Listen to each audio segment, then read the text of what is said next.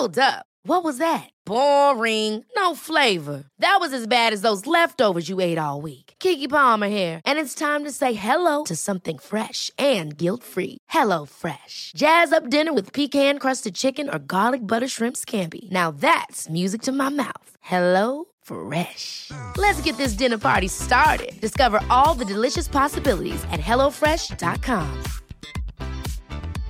I'm Sandra, and I'm just the professional your small business was looking for. But you didn't hire me because you didn't use LinkedIn jobs. LinkedIn has professionals you can't find anywhere else, including those who aren't actively looking for a new job but might be open to the perfect role, like me.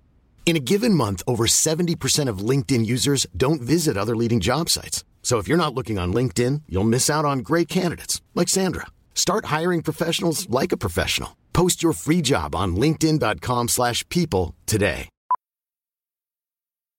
Millions of people have lost weight with personalized plans from Noom, like Evan, who can't stand salads and still lost 50 pounds. Salads, generally, for most people, are the easy button, right? For me, that wasn't an option. I never really was a salad guy. That's just not who I am. But Noom worked for me. Get your personalized plan today at Noom.com. Real Noom user compensated to provide their story. In four weeks, the typical Noom user can expect to lose one to two pounds per week. Individual results may vary.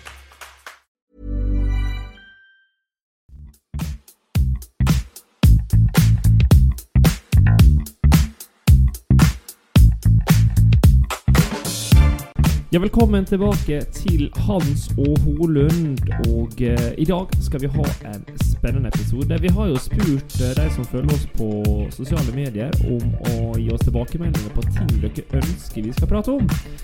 Og en av tingene som går igjen, det er mange som lurer på ernæring næring og ulike ergogene stoffer. Ergogene stoffer det er da prestasjonsfremmende middel som er lovlige å ta, dvs. Si at de ikke står på WADA sin dopingliste. Eh, men før vi kommer inn på dagens tematikk, hvordan hvor det går med det, Hans Christer? Det går uh, bra. Har jo vært uh, syk på nytt. Kan vel si at det var bra timing å legge opp i fjor. Fordi med den eh, høsten og vinteren så, som har vært, med sjukdom og alt mulig rart, så tror jeg det hadde blitt tøft å prestere på øverste nivå i langrenn. Mm. Men det er jo flere som har vært sjuke, ser vi. Det har jo gått igjen egentlig hele skisirkuset at det har vært mye sjukdom i år. Det har det. Det har vært eh, bemerkelsesverdig mye sykdom. Ikke kun på norske skiløpere, men generelt over hele fjøla i år. Em, det kunne vært spennende for øvrig å hatt en egen podkast om hva er grunnen til at vi blir så sjuke nå etter den pandemien som har vært. Uh, har du noen umiddelbare tanker om det? Nei, ikke få to barn. Det er vel regel nummer én.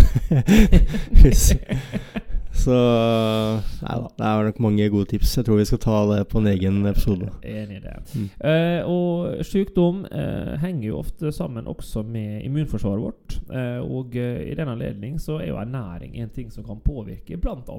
immunforsvaret vårt. Og I første delen av eh, dagens episode, som skal da omhandle ernæring, eh, og i hvert fall ernæring i den forstand at vi prater om de kosttilskuddene som er vanlig å ta, så begynner vi egentlig veldig sånn stort og generelt. Vi har jo tre hovedsakelige ernæringsmessige stoff som gir oss energi. Det er jo da fett, eh, lipider, det er proteiner, som ofte blir kalt byggesteinene i kroppen vår fordi de danner bl.a. muskulatur. Og karbohydrater, som er på en måte flybensinen vår. Og spesielt disse to siste, protein og karbohydrater, er jo veldig kjent innenfor uh, sportsmiljøet eh, for at det skal føre både til det ene og det andre. Men vi begynner stort. altså Hovedsakelig disse energisubstratene jeg snakker om her nå. Fett, protein og karbohydrater. Christer. Hvordan fikk du i det deg når du satsa?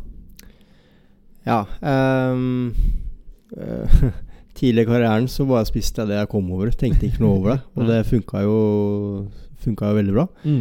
Så det var jo veldig, veldig enkelt. Uh, og så hadde jeg nok noen år hvor jeg tenkte at jeg skulle prøve å optimalisere disse tingene her. Uh, og det, for de som klarer det, så, så uh, all- ære til dem. Jeg Mm. tror, jeg tror at det er mye å hente der. Men, Mm. men jeg ble nok litt, litt sånn Litt gæren, eller litt sånn Det kosta for mye eh, energi for meg å liksom skulle få god kvalitet på treninga, og så skulle jeg hjem, og så skulle jeg liksom telle kalorier og antall gram med fett og proteiner og hele den Mm. greia der. Det ble liksom Ja, det blir til at man hele tiden er på, da. Man får liksom aldri liksom uh, Slapp, slappe av. Så for meg så funka det bedre at mat ble en sånn Ja, akkurat på det området her så så er jeg litt mer layback. Jeg skal Mm. kose meg litt. Jeg skal spise det jeg har lyst på. Mm. Uh, og eh, da jeg starta å gjøre det igjen, så presterte jeg også bedre. Så jeg fant vel ut sånn jeg var sånn 5-26 år, at det her funker bra for meg. Mm. Uh, jeg har lyst til å bli, uh, utforske andre områder, kan du si. Ja. Men så ser jeg jo Vi, kan jo ha ja, Johannes, da, som var i uh, Klæbo, som var i podkasten for noen episoder siden. Han er jo uh, veldig dyktig på kosthold. Mm. Veldig bevisst på hva han putter inn i kroppen. Mm. Og føler at han får mye igjen for det i treninga. Ja. Så jeg slakter ikke det å liksom Ja, liksom være proff på det området òg. Nei. Eh, men man må bare finne ut av hva som uh, Ja, hvordan person man er, og hva som uh, funker for hver enkelt. Mm. Og som du sier, Johannes er jo veldig bevisst på det, men samtidig så er han jo tydelig på i den episoden at han spiser hovedsakelig bare norsk normal kost, men han er kanskje slik at han spiser litt mer spesifikke matvarer pga. allergien han har, eller intoleransen. Eh, Så, og så har han jo da begynt å samarbeide med UnoX, som for øvrig da får Tor Husås som ny sportsdirektør. Det er veldig spennende, Mm. det, da. Men eh, og, og kanskje begynt å teppe litt inn på det her du sier, med at de begynner å kanskje se litt på komposisjon av måltid. Kanskje først og fremst tror jeg rundt konkurranse, og i etterkant av konkurranse. Ja.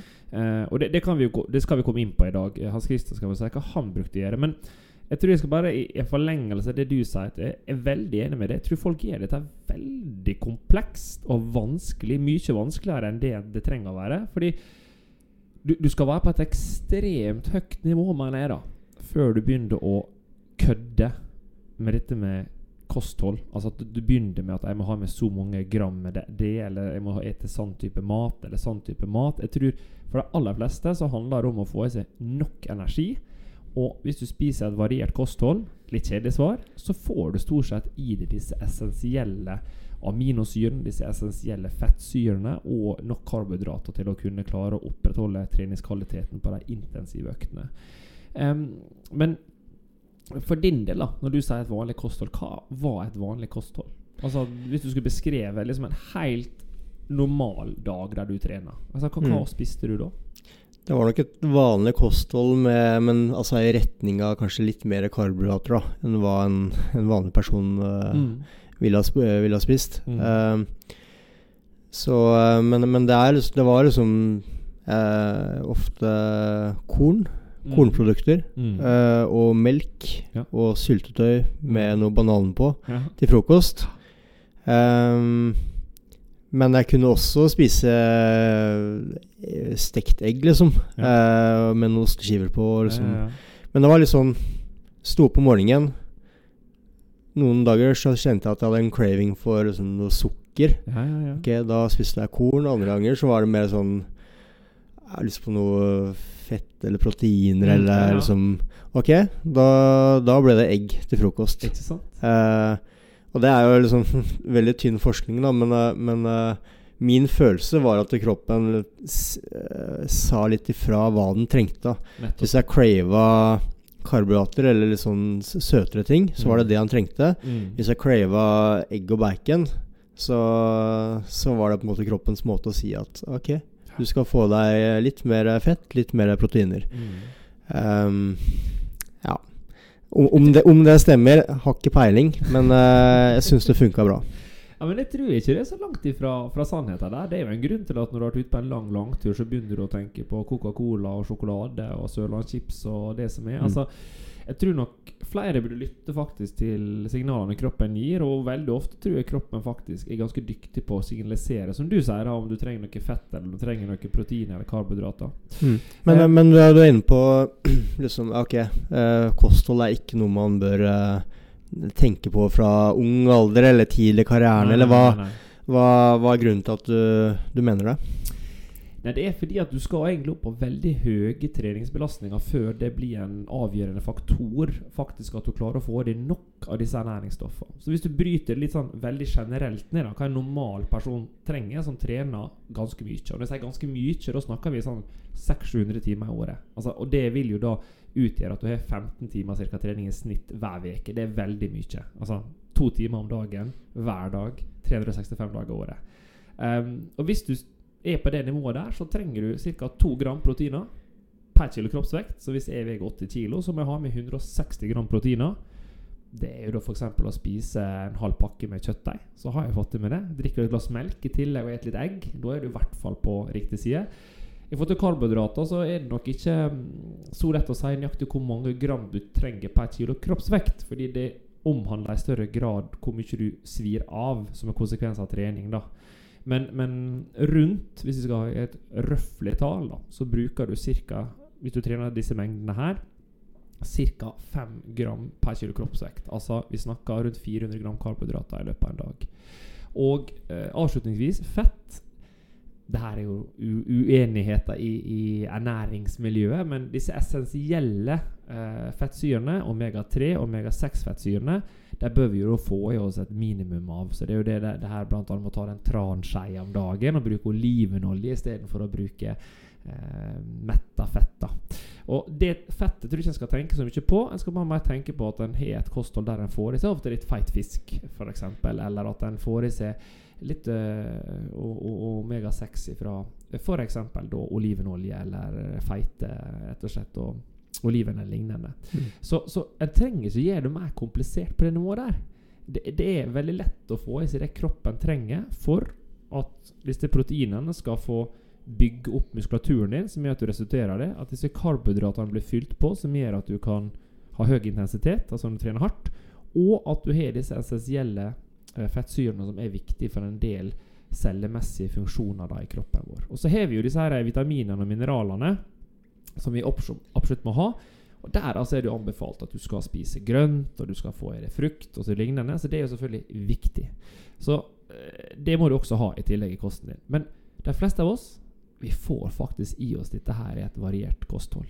Og det er først når du begynner å pushe treningsbelastninga opp mot det ekstreme. Og hva er det ekstreme? Jo, det vil igjen være veldig individuelt, men hvis vi sier 900 og høyere, da, mm. antall timer Altså vi snakker et snitt der du trener rundt tre timer om dagen, da begynner dette her å bli veldig viktig. Og ikke minst timinga begynner å bli viktig. Og grunnen til det det er jo for å optimalisere restitusjonen, som gjør at du får bra treningsutbytte. Så jeg tror veldig mange gjør det for komplekst på det generelle nivået. Eh, og det er først når du begynner å komme på det, kan du si, det øverste nivået da. Altså du, du, du er topp 15 i World Cup, eh, og du vil på pallen da kanskje dette her har noe føre seg. Mm. Men jeg tror det er veldig mange som ødelegger mer enn de vinner på å ha et overdrevet fokus på dette med ernæring. På disse tre uh, ernæringsmessige stoffene vi prater om her. da. Mm. Ja. Men skal vi gå gjennom uh, hver enkelt, da? Ja. Karbohydrater, fett, proteiner. Og så kan vi gå litt gjennom uh, timing, som du er inne på. Mm. når bør man spise hva? Mm.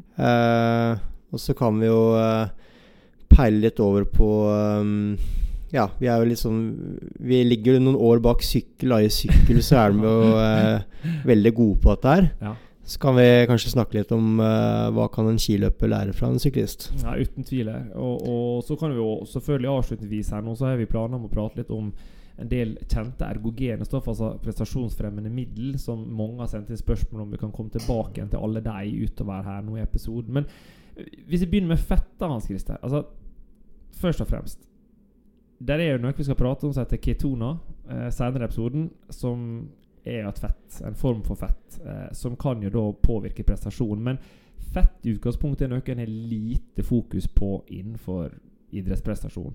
Og det nærmeste du hadde kanskje fokus på når du satsa, var tran? Eller tok du tran mm. i det hele tatt? Nei, jeg, jeg tok uh, omega-3. Ja. ja. Så uh, i tran så er det jo en del andre uh, De har tilsatt uh, noen andre vitaminer da mm, mm. som er fettløselige, som du ikke vil ha for mye av i kroppen. Ja. så jeg tok omega-3. Ny Nyco pluss høykonsentrert omega-3, for de som er veldig Eh, Litt reklame for de som lurer, lurer på det. Ikke noe spons her. Nei, det er ikke noe spons. Men eh, jeg, jeg tok det først og fremst fordi at jeg eh, Jeg følte at eh, Tok jeg det på kvelden, Mm. så var jeg var ikke så stiv og støl om morgenen dagen etterpå. Mm. Nei, nei. Um, Og det- det og, så er det liksom det er ikke noe forskning som viser at det, det her Jo, men det, Det- det er jo det. Men, men, er eh, men jeg følte at uh, hvis jeg tok det på Ja. kvelden, så, eh, så ble jeg rett og slett mindre skada. Uh, hadde mindre verk i kroppen. Mm. Um, jeg har jo noen akilleshæler som er litt sånn Ja, som har vært min akilles her, da, kan du si, gjennom Mm. karrieren. Mm. Eh, og uh, merka det vel først uh, en periode hvor jeg dro til høyden, og så gikk jeg tom for disse omega-3-tablettene, og så starta jeg å få vondt i akillesen utover i samlinga. Mm. Det var veldig rart, fordi jeg hadde trent, hadde trent helt vanlig. Um, dette var sent på høsten, og det, det er liksom Starte å tenke på hva er det som hva, hva er grunnen til at dette kommer nå? Ja. Og så kom jeg på disse omega-3-tablettene som jeg var tomme for. da ja. Så tenkte jeg ikke noe mer over det, og så kom jeg hjem, og så starta jeg å ta det igjen, og så, og så, og så ble det bra igjen. ja. Så det er litt sånn um, Ja. Jeg følte det funka, funka bra. Ja. Og så ehm, Men det kan jo også være at hvis man Du har jo omega-3, og så har du noe som heter omega-6. Ja. Omega-6 er jo litt sånn uh, Det er det du får i ferdigmat. Ja. Hvis du får i deg for mye av det, så er det en sånn eh, Det er negativt, da. Er, du kan sikkert forklare mer på det, men det danner litt sånn betennelser i kroppen. Ja, Det er helt riktig. Eh, og det er jo den her vi er inne på eh, hva du si, fagteorien litt eh, Hvis vi dyper litt dykker inn Litt dypdykker litt så For første begynne med omega-3. da Det er studier som an antyder det du sier her, faktisk. At hvis du tar omega-3, så får du lavere eh, Eller raskere restitusjonstid. Altså du får lavere nedbryting i, eh, i muskulaturen. Rett og slett fordi du tar supplementet, og det virker å ha en positiv effekt på akkurat det som går på restrukturering eller regenerering av muskelfibrene. Og så er det det her med omega-6 du sier. Det er motsatt effekt. Vist å kunne være litt sånn betennelsesinflammatorisk dannende hvis du får for store mengder av det. Um, men jeg tror for en vanlig person så er det liksom det jeg kan kanskje kommunisere i forhold til omega-3, at omega-3 Det er i hvert fall veldig få studier som viser at det er negativt å ta omega-3. Så om du ikke får en voldsom effekt av det, så i hvert fall skader ikke det å ta det. Og det er så mange gode andre helsemessige effekter av å ta omega-3. Så det å ta en omega-3-kapsel om morgenen eller kvelden eller tran eller hva det måtte være, det er noe jeg tror med god samvittighet jeg kan anbefale alle som lytter på disse episodene, å gjøre. Mm. Eh, og kan ha en liten prestasjonsfremmende effekt. Mm. Um, I forhold til fett generelt, eller triglycerider som det heter så fint på fagstrådet, noe kan kalle lipider, så prater en mye om det som heter transfett, f.eks. eksempel, eller metta fett. Jeg tror ikke vi i episoden her skal gå inn i alle disse detaljene, men, men det vi kan si, er at generelt hvis du skal få i deg fett, så prøv å spise så naturlig fett som mulig. Og hva betyr det? Jo, det betyr et en avokado, et rent smør, eh, og prøv å unngå matvarer som har blitt varmebehandla, gjerne med fett. Altså typ steikt eller fritert eller lignende. For da forandrer disse her molekylære komposisjonen av fettet og danner mer dette negative fettet, som da er vist å kunne være betennelsesøkende. Mm. Eller kan medføre at du får dårligere rett og slett restitusjon etter treninga. Mm. Ja.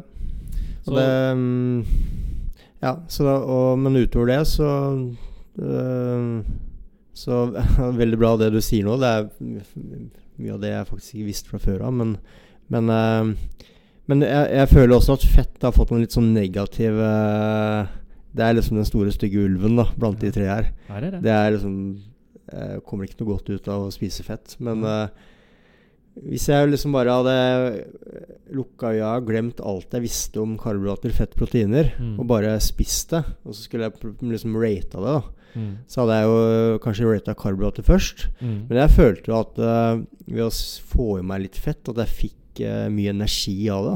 At jeg liksom følte meg sterkere og følte meg mer robust. Og, Ja, og jeg må huske på at når du er ute på treningsøkt i hvert fall, eh, altså 80 av treninga du gjennomførte, var stort sett lavintensitetstrening. Altså på en sånn type økt så er sikkert energibidraget fra fett fra 60 til 30 Eh, og det sier seg sjøl at du da benytter deg av ganske mye fett på den turen faktisk som energisubstrat. Så, så det å, å, ha fett i kosten er noe positivt. Og det andre som er positivt med fett, er jo da at du får lavere insulinfrigjøring, som igjen gjør at du har et mer stabilt blodsukker. Så, så det, fett i seg sjøl er jo ikke negativt, men det er nok det bare at veldig mange av matvarene som inneholder fett, mm. er det som jeg sa i stad, er varmebehandla eller prosesserert fett. Altså det har blitt putta i garnityrgryte eller blitt steikt i ovnen, og da forandrer det molekylære oppbyggingen av disse lipidene seg, og da blir de negative. Eh, og, og, spesielt for folk som er inaktive, da, så er jo det negativt i forhold til åreforkalking og at det øker blodtrykket. Men, men, men rent fett, altså hvis du snakker om rent omega-3 f.eks., eller fra mm. avokado eller lignende, det er jo kjempe, kjempebra. Så, så jeg er enig med det. Jeg har fått et veldig dårlig rykte, eh, men er noe en ikke burde være redd for. Sånn, I hvert fall ikke hvis du trener en del. Eh, I det hele tatt. Men da kan vi over på de to som kanskje er mest kjente, og som alle ernæringsproduktsentrene pusher på at det må du ha. og det er jævlig viktig. Så la oss begynne med det som er jo hevet over enhver tvil at du må ha på hver økt, og du må få deg masse av det, karbohydrater. Som er i sportsdrikk, og det er i barer, og det er i geller. Altså, hvor mye benytter du det egentlig av sportsdrikk og karbohydrater sånn spesifikt på økter? Jeg hadde, hadde, ikke noe mål med liksom, hvor mye jeg skulle få i meg, men, men uh jeg, jeg, brukte jo Det er godt å ha noe smak da, på det du drikker eh, når man mm. trener. Mm. Så, men jeg, altså ofte hadde vann, men, men, på sommeren på langturer så hadde jeg ofte sportsdrikk. Mm. Uh, uh, og det var først og fremst fordi jeg ville få i meg litt salter underveis mm. uh, i økta. Svette mye. Da er sportsdrikk helt uh, tipp topp. Mm. på vinteren mm. så brukte jeg solbærsaft. Um, svetter ikke så mye. Jeg tror ikke de saltene har så mye å si. Um, og så er det jo liksom Kanskje det var bedre, bedre sukker da i sportsdrikk enn i solbærsaft. Ja. Men jeg, jeg, følte ikke at jeg Jeg følte ikke noe forskjell på det, egentlig. Nei. Og um, kjenner mange som har uh, vunnet både OL-gull og VM-gull, som uh, har vunnet det på solbærsaft på beltet. Så så uh, varm solbærsaft, det, det, var det jeg brukte på vinteren. Det er godt. Jeg er også en veldig stor fan av solbærsaft. Og um, hvis en dypdykker litt i hvorfor i alle dager har vi disse sportsdrikkene, hva er bakgrunnen for det, da, så er jo det Det handler jo om at spesielt ved høy intensitet, arbeidsintensitet, så bruker jo kroppen vår hovedsakelig karbohydrater. Det er jo lagra i kroppen vår som glykogen. Og disse glykogenmolekylene blir da omdanna til glukose. Glukose er bare et enkelt karbohydratmolekyl. Og det må benyttes ved høy intensitet fordi det er den raskeste måten kroppen vår kan lage energi. Det heter ATP. Det er ikke så veldig viktig at det heter ATP. Det er viktig å si at den glukosemolekylet blir omdanna til en energienhet som kroppen vår faktisk kan bruke i kombinasjon med oksygen. Eller uten oksygen, men som regel med oksygen. da.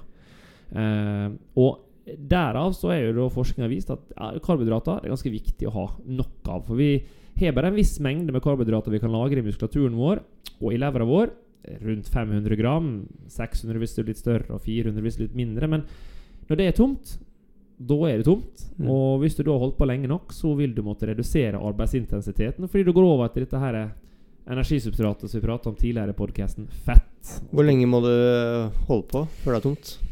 Ja, Det kommer an på hvor hardt du arbeider. da eh, men, men, hvis du På et generelt grunnlag kan du si at fra rundt 45 minutter til 90 minutter der 90 minutter er kanskje mer rundt terskel, og 45 minutter er mer sånn tempo som en har på en 10 km. Eh, da begynner du å nærme deg at det går tomt. Og det, det, går jo aldri helt tomt. Altså Kroppen må ha karbohydrater. Altså det går aldri helt tomt. Men kroppen fortolker at nå detter blodsukkeret vårt ned, altså under typisk fire. da og når det skjer, så fortolker hjernen at shit, nå begynner jeg å gå tom. Og det den gjør da, er at den skrur over energiprosessen i kroppen, som gjør at vi bruker mer fett. Og når det skjer, så må vi redusere arbeidsintensiteten. Uh, og det er ofte det som uh, kan omtales at du går litt på veggen. Ikke helt på veggen, men du kjenner på en måte Å, oh, shit, nå ble jeg plutselig veldig sliten. Mista mm. litt kraft. Uh, og, så hvis du ikke da fyller på under et sånt arbeid med karbohydrater, så vil arbeidsintensiteten gå ned, fordi du må gå på fett som energisubstrat. Mm. så kan vi jo ta restitusjonsbiten ved, ved karbohydrater òg. Um, jeg jeg merka det var svært sjelden at jeg gikk en intervall og følte at jeg gikk meg tom underveis. Mm. Uh, kunne vel gå opp til halvannen time, og det For meg så gikk det, gikk det bra. Mm. Men uh, det jeg merka, var at hvis jeg var litt uh, sløv på inntak av karbohydrater før, underveis og etter økta, Ja. så, så følte jeg meg mye mer sliten dagen etterpå, eller på Ja. andre økta. Ja. Så, så for min del så var det Spiste jeg mye Hadde mye karbohydrater i kosten uh, rett og slett for å kunne tåle å trene mer. Restituere meg fortere. Og, og der merka jeg i så fall en stor, uh, stor forskjell på de gangene hvor jeg var flink til å få med meg karbohydrater, og de gangene hvor jeg var, ja, ikke så, var, var så god på det. Nei, absolutt. Og det, det er jo her på en måte forskning også har dreia litt. Når jeg studerte bacheloren min, så var det veldig fokus på dette ene grammet med karbohydrater du skulle ha i det per kilo kroppsvekt rett etter økta. Altså i det første 30 minutter etter du var ferdig med økta. Eh, altså typ 80 gram, da. Eh, men nå er forskninga veldig fokusert på at du må få i disse karbohydratene underveis i økta. Og Vi prater da på høyintensitetstrening, altså 4 ganger 4, 90 gram. Hvis du på, kanskje ikke, kanskje ikke på med 4 ganger 4 da, men hvis du trener veldig masse nå, må huske at det vi prater om her nå, er eliteutøvere. Da snakker jeg om 90 gram. Eh, hvis en skal klare å opprettholde prestasjonsnivået på en arbeidsintensitet som er nærme da eh, 10 km tempo. Eh, så typisk hvis du skal gå Birkebeinerrennet, da. Da må du ha det 90 gram i timen. Eh, hvis du går litt roligere, så er det 60 gram. Og på rolig trening 30 gram. Um, og selvfølgelig her vil det være store individuelle forskjeller. Men hovedsakelig grunnen til at du skal ha i disse karbohydratene, er for å klare å opprettholde én arbeidsintensiteten på den ene økta, men også for å redusere eh, rett og slett treningsbelastninga ved økta, som gjør at du kan trene mer. Flere hardøkter, flere intervaller, flere, større volum i treninga di. Men her er det som er litt morsomt, Hans Christer, det er at det, hvis ikke du trener så mye så er du egentlig på jakt i å bryte ned kroppen mest mulig på de få øktene du gjennomfører. Mm. Så da er det kanskje den, eh, ironisk nok gunstig kanskje å drite i å ha seg karbohydrater på økt, slik at du blir litt sliten dagen derpå. Fordi det er jo en større belastning for Mm. kroppen og for muskulaturen. Mm. Så du får egentlig mer effekt av trening. Har du tenkt noen gang på det? Ja.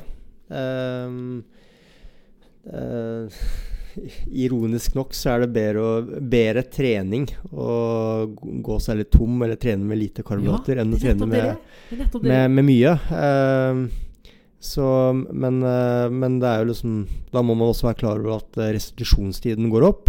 Mm. Så liksom totalbelastningen gjennom en uke eller gjennom flere måneder tror jeg er negativ. Men hvis du kun tenker på den ene økta, så tror jeg så er det bedre et Ja, rett og slett eh, større stimuli da, for kroppen. Bedre trening.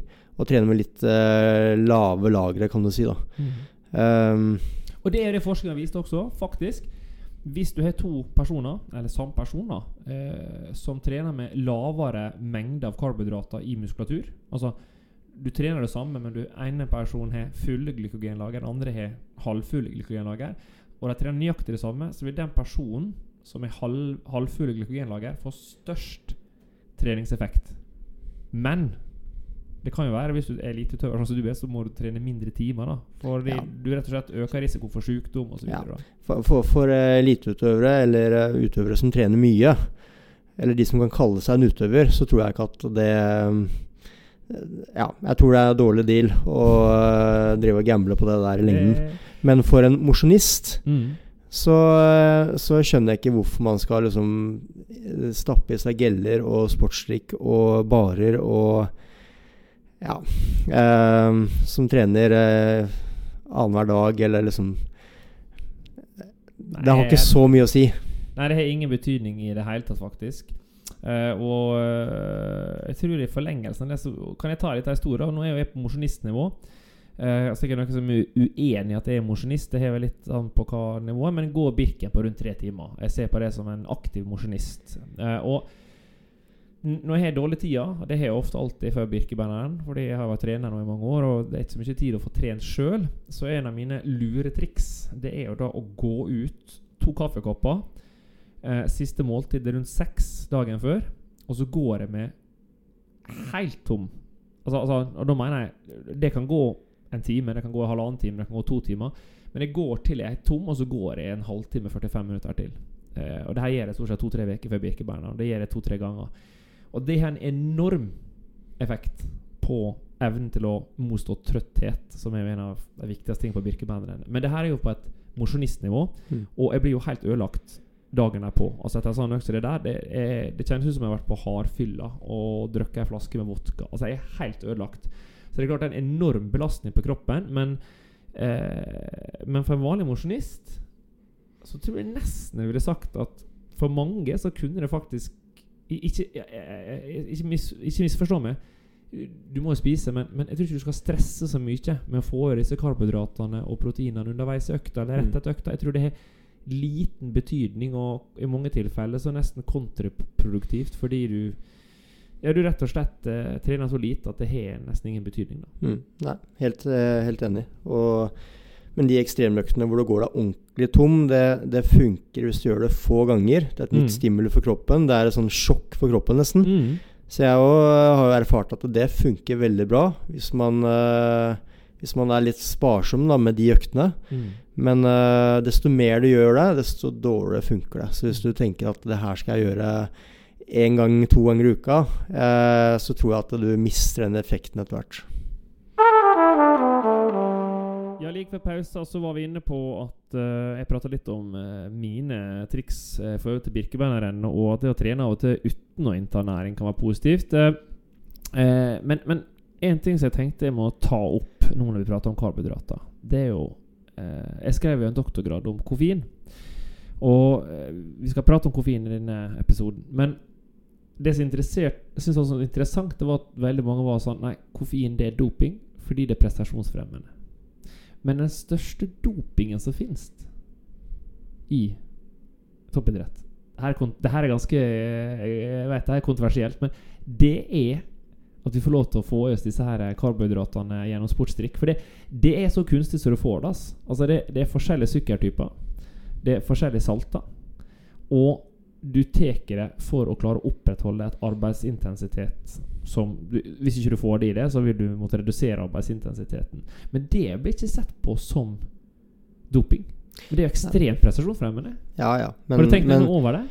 Ja, men jeg er ikke helt enig. Fordi uh, altså, du kan si Eh, doping er jo noe man ikke får kjøpt i butikken. Det er ikke noe man liksom uh, um, Det er ikke en del av uh, det Det er ikke noe man trenger, på en måte, som menneske for å, jo, for altså, å leve. Mens, ja.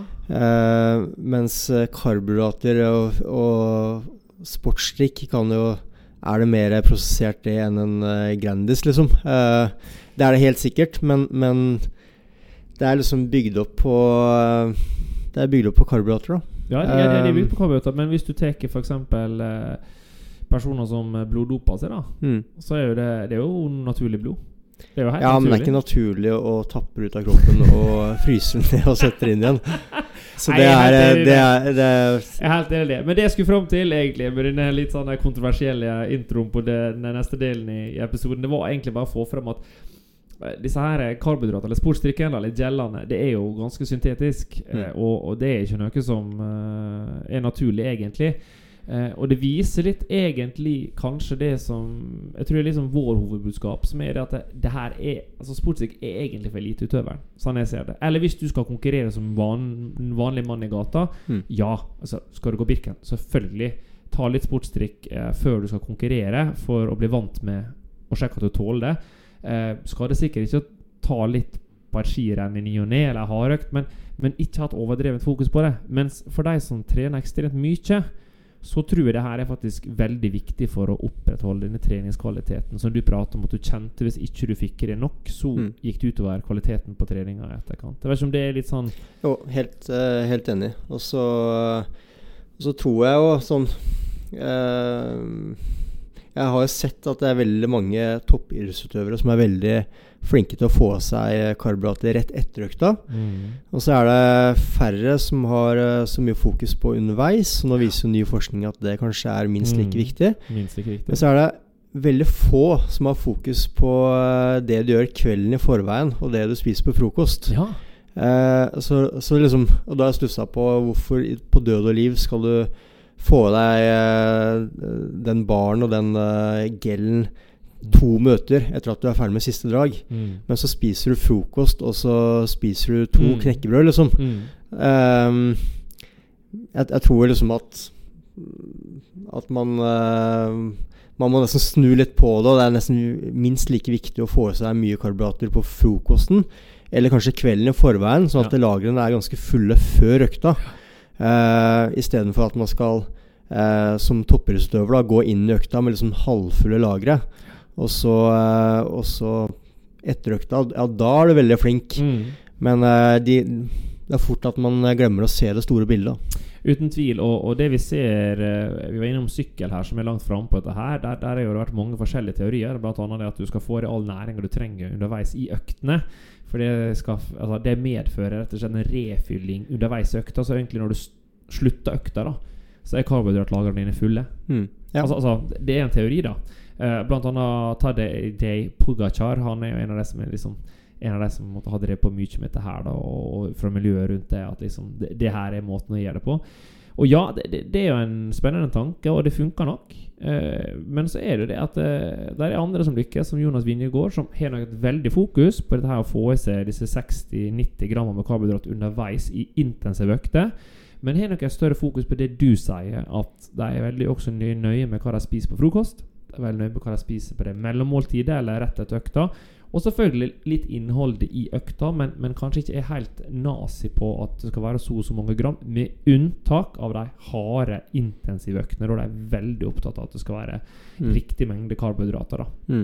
Uh, så, så det er Og jeg må bare si sånn på generelt grunnlag Det å observere i miljøet, da Og nå kan vi snakke både om langrenn og andre miljø. Jeg syns folk Folk har hatt så jæskla mye fokus på dette her.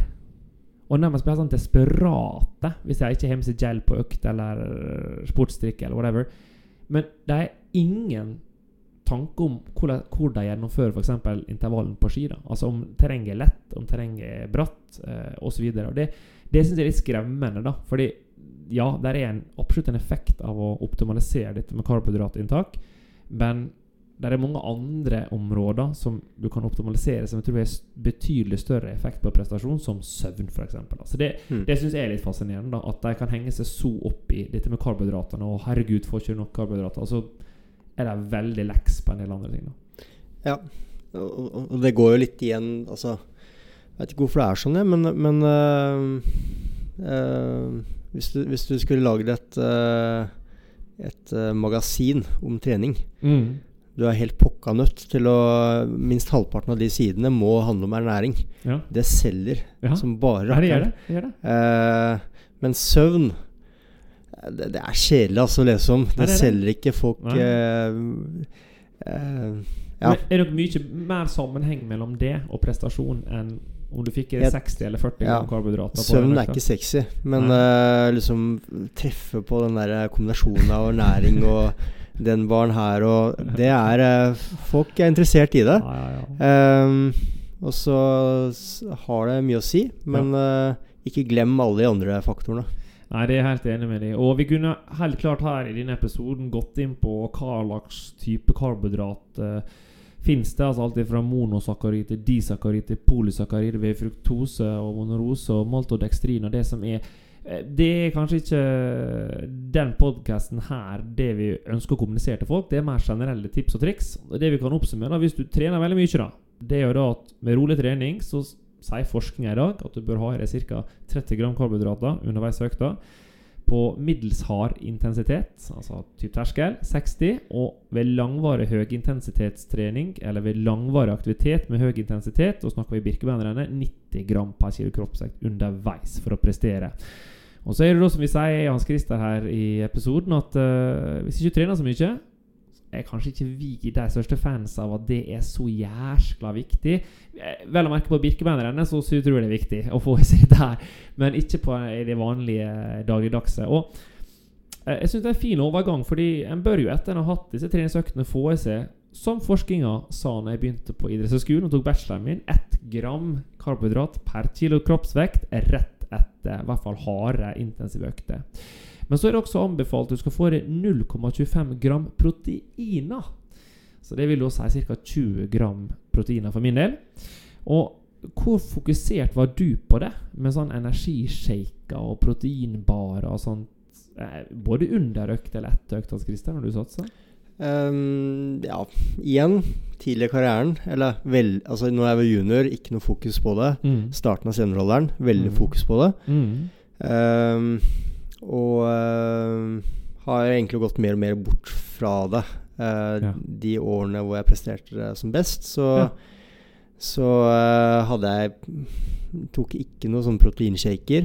Um, og um, Jeg veit ikke, altså. Uh, proteiner, det er jo Det er jo liksom uh, Det er gullungen blant uh, disse tre. Det er ikke måte på hvor mye proteiner du skal få i deg. Men Nei. personlig så, så liksom Jeg tror jeg fikk i meg nok proteiner ved å bare spise helt vanlig. Ja. Og så de periodene hvor jeg liksom prøvde å liksom få i meg litt mer proteiner, merka ikke noe forskjell. Eh, så får jeg ikke noe positiv eh, forskjell. Nei, nei. Kanskje mer negativ. Ja. Fordi at eh, hvis jeg spiste mer proteiner, så ble det kanskje mindre Mindre karbohydrater. da Som Ja, gjorde at jeg ja, følte at jeg hadde mindre energi på økta. Så ja, jeg veit ikke. Eh, I praksis så følte jeg ikke at eh, eh, de gangene hvor jeg spiste proteinpulver og, og kylling til middag, Mm. at det liksom At det ga meg noe effekt.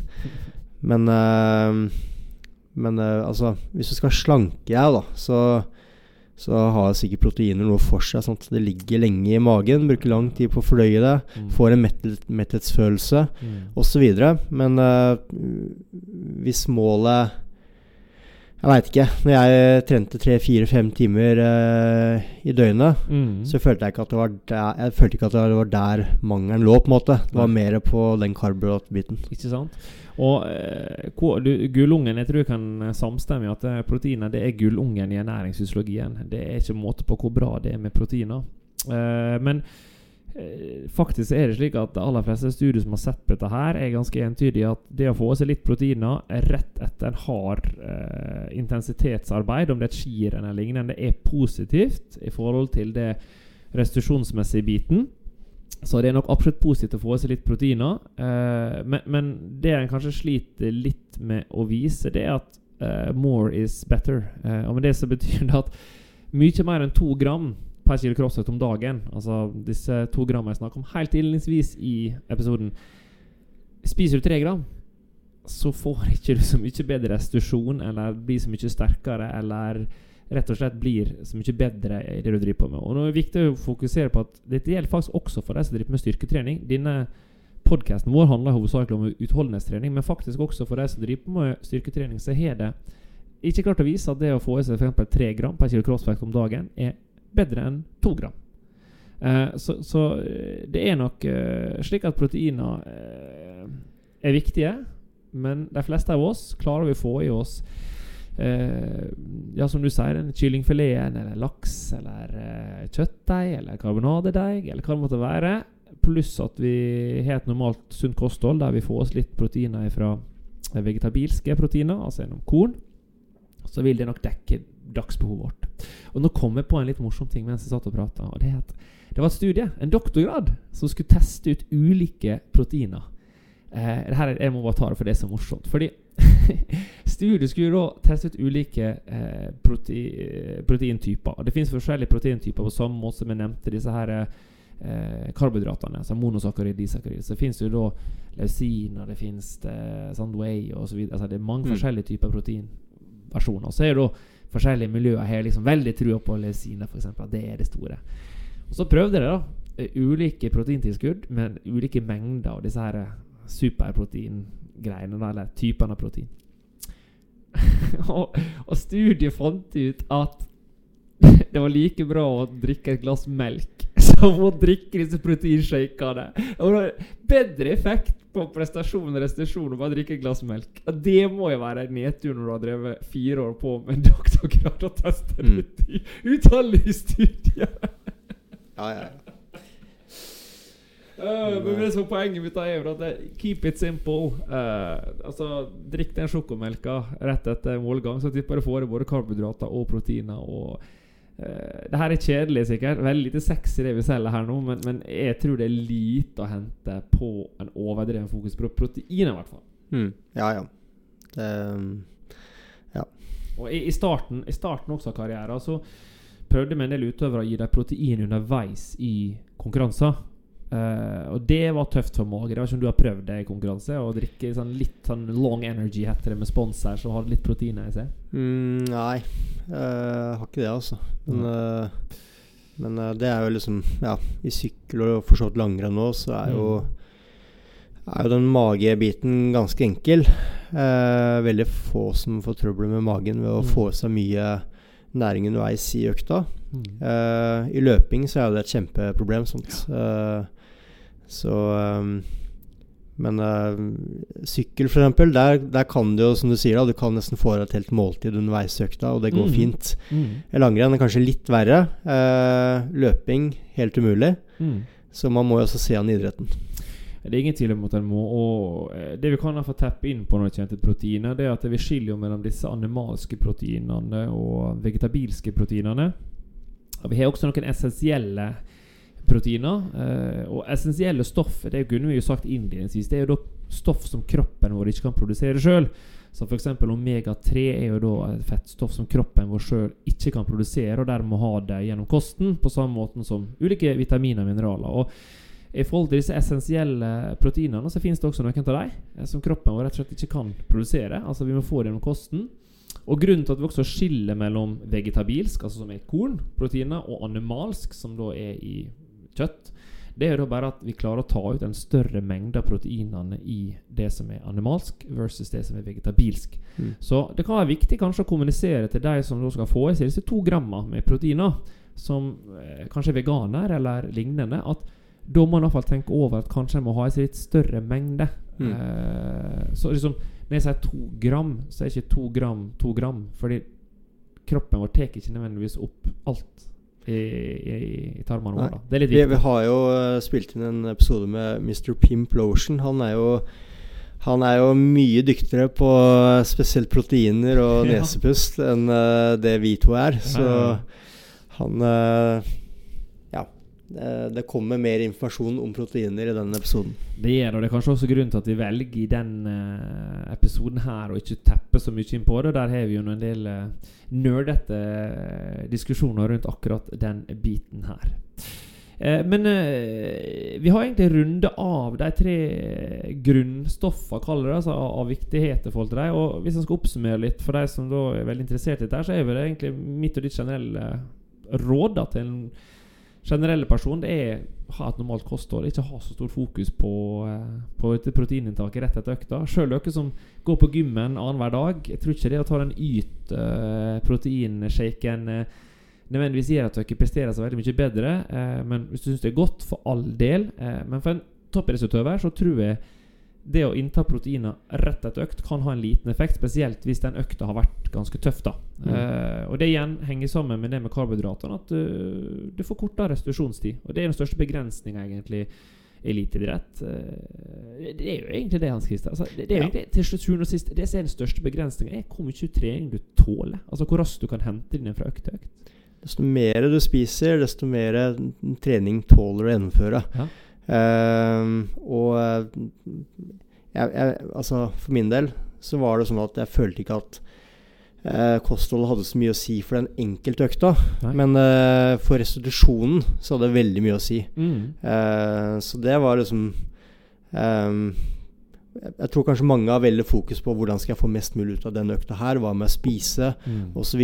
Men, men jeg tenker at kosthold, å treffe på kostholdet, handler om å Målet er at man skal kunne gjennomføre mest mulig trening over en periode. Og mm. da eh, må man få seg nok næring, mm. treffe sånn noenlunde på næringssammensetningen. Mm. Eh, og rett og slett tenke at desto Ja, jeg, jeg, tenkte det at desto mer jeg klarer å spise, mm. desto mer trening tåler jeg. Ja.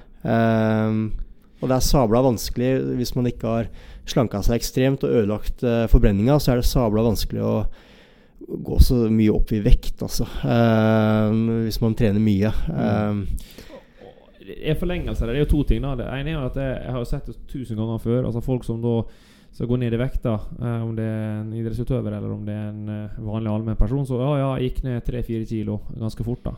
Du gikk ikke ned 3-4 kilo. Du, du, du, gikk tom for karbohydrater. Og når vi vet da at ca. 1 gram karbohydrater inneholder ca. 1 gram vann, så det vil si at hvis du da går ifra å ha 500 gram karbohydrater i kroppen til 450, så går det ned 3,5 kilo i væske. Du har ikke gått ned et gram i fett. Så du mm. går ned 3,5 kilo på vekta. Og det er jo så idiotisk, fordi du presterer dårligere, du har dårligere restitusjon, du er større sannsynlig for å bli sjuk, eh, og du tror du har gått ned vekt, men du har ikke gått ned vekt i det hele tatt. Så det er jo mm. sånn idioti fra mm. min side. Og i en forlengelse av idioti så er det personer som har tatt kanskje en utdannelse da, innen næring, og aldri jobba med eliteutøvere, eller kjent sjøl på kroppen hvordan det er å trene 30-35 timer.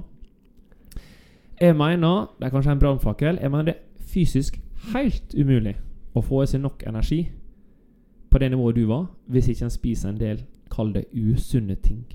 Altså Det som mener jeg godteri, jeg mener sjokolade, jeg mener cola altså, Du kan ikke kanskje spise alt. Noen er forskjellige, mm. noen er lavere forbrenning enn andre. Men, men, men, problemet er rett og slett at trener du mye, så har du også ikke lyst til å spise. For du, du blir ja, du mister, du mister matlysta. I så fall etter hardøkter så ja. Uh, er det veldig vanlig å miste matlysta. Jeg gjorde det sjøl. Mm. Uh, så hvis jeg ikke skulle holdt jeg på å si, juksa litt og spist litt candy, Mm. Så, så, så ja, da skal jeg slitt med å få i meg nok, eh, nok næring, da. Ja, rett og slett. Det, det der synes Jeg faktisk Jeg blir litt sånn provosert. Jeg kjenner jeg blir veldig engasjert dette. Fordi det der synes jeg er så utrolig dårlig kommunisert av de som er eksperter og skriver om dette her i media. Fordi faktisk når du har fått til disse essensielle tingene du trenger, byggesteinene du trenger for å på en måte, Både i forhold til de tingene ikke kroppen kan produsere sjøl, men det du trenger for at kroppen skal fungere, så handler det faktisk bare om å dekke energibehovet ditt.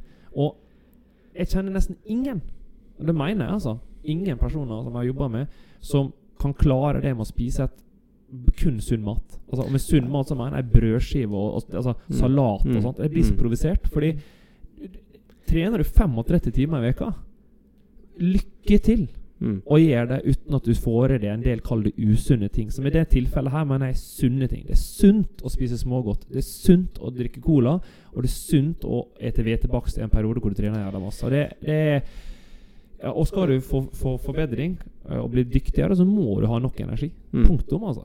Det er forskjell på teori og praksis. Ja. Så skjønner jeg jo det at eh, har du tatt en master i ernæring, så så uh, tar det seg dårlig ut å stå på scenen der og si at du skal spise uh, Grandis og, og, drikke cola og spise godteri. på en måte ja. Da sitter de i salen og tenker Har du ikke lært noen ting som helst? Nei, nei, nei. Um, og så er det nok de som også er veldig kan mye, men som mm. mangler erfaring og praksis. Ja.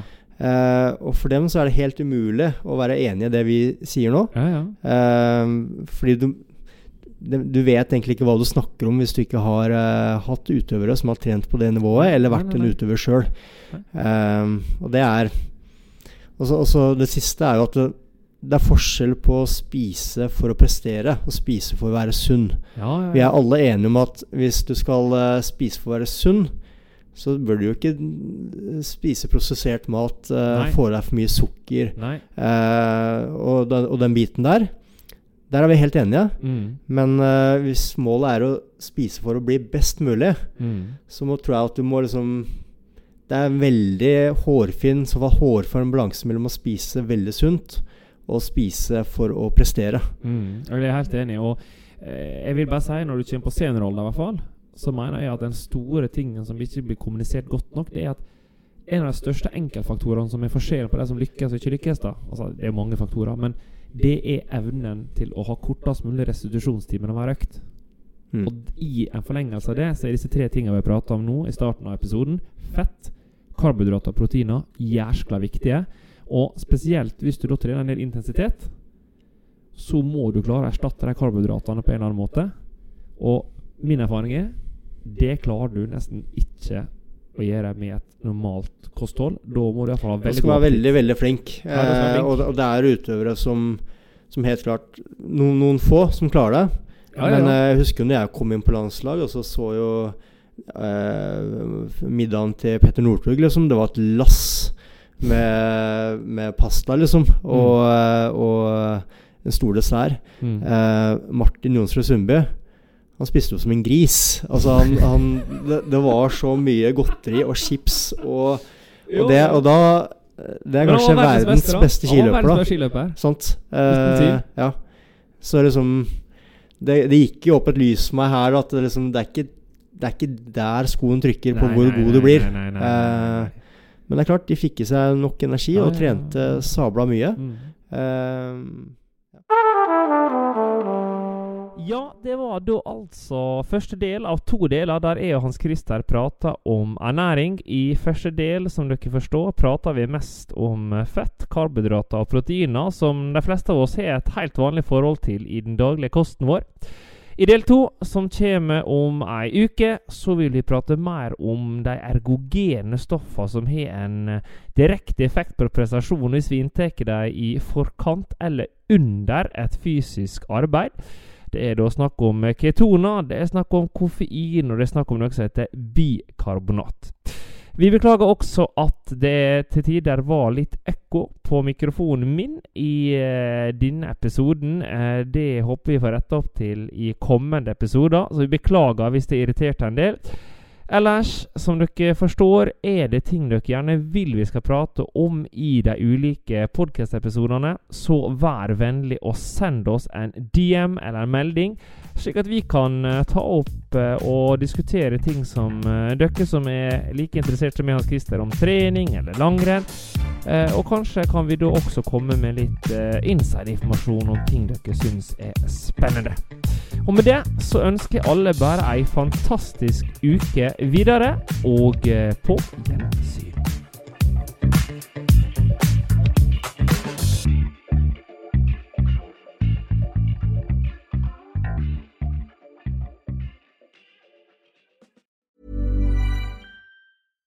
Hi, I'm Daniel, founder of Pretty Litter. Cats and cat owners deserve better than any old fashioned litter. That's why I teamed up with scientists and veterinarians to create Pretty Litter. Its innovative crystal formula has superior odor control and weighs up to 80% less than clay litter. Pretty Litter even monitors health by changing colors to help detect early signs of potential illness. It's the world's smartest kitty litter. Go to prettylitter.com and use code ACAST for 20% off your first order and a free cat toy. Terms and conditions apply. See site for details. Ever catch yourself eating the same flavorless dinner three days in a row? Dreaming of something better? Well, HelloFresh is your guilt-free dream come true, baby. It's me, Kiki Palmer. Let's wake up those taste buds with hot, juicy pecan-crusted chicken or garlic butter shrimp scampi. Mm. Hello Fresh. Stop dreaming of all the delicious possibilities and dig in at HelloFresh.com. Let's get this dinner party started. When you make decisions for your company, you look for the no brainers. And if you have a lot of mailing to do, stamps.com is the ultimate no brainer. It streamlines your processes to make your business more efficient, which makes you less busy. Mail checks, invoices, legal documents, and everything you need to keep your business running with stamps.com.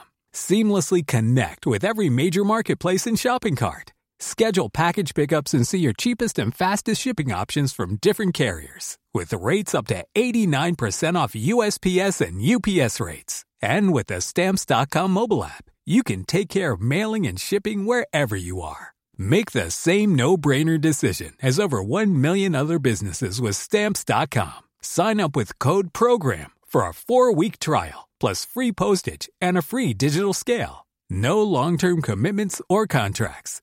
That's stamps.com. Code program.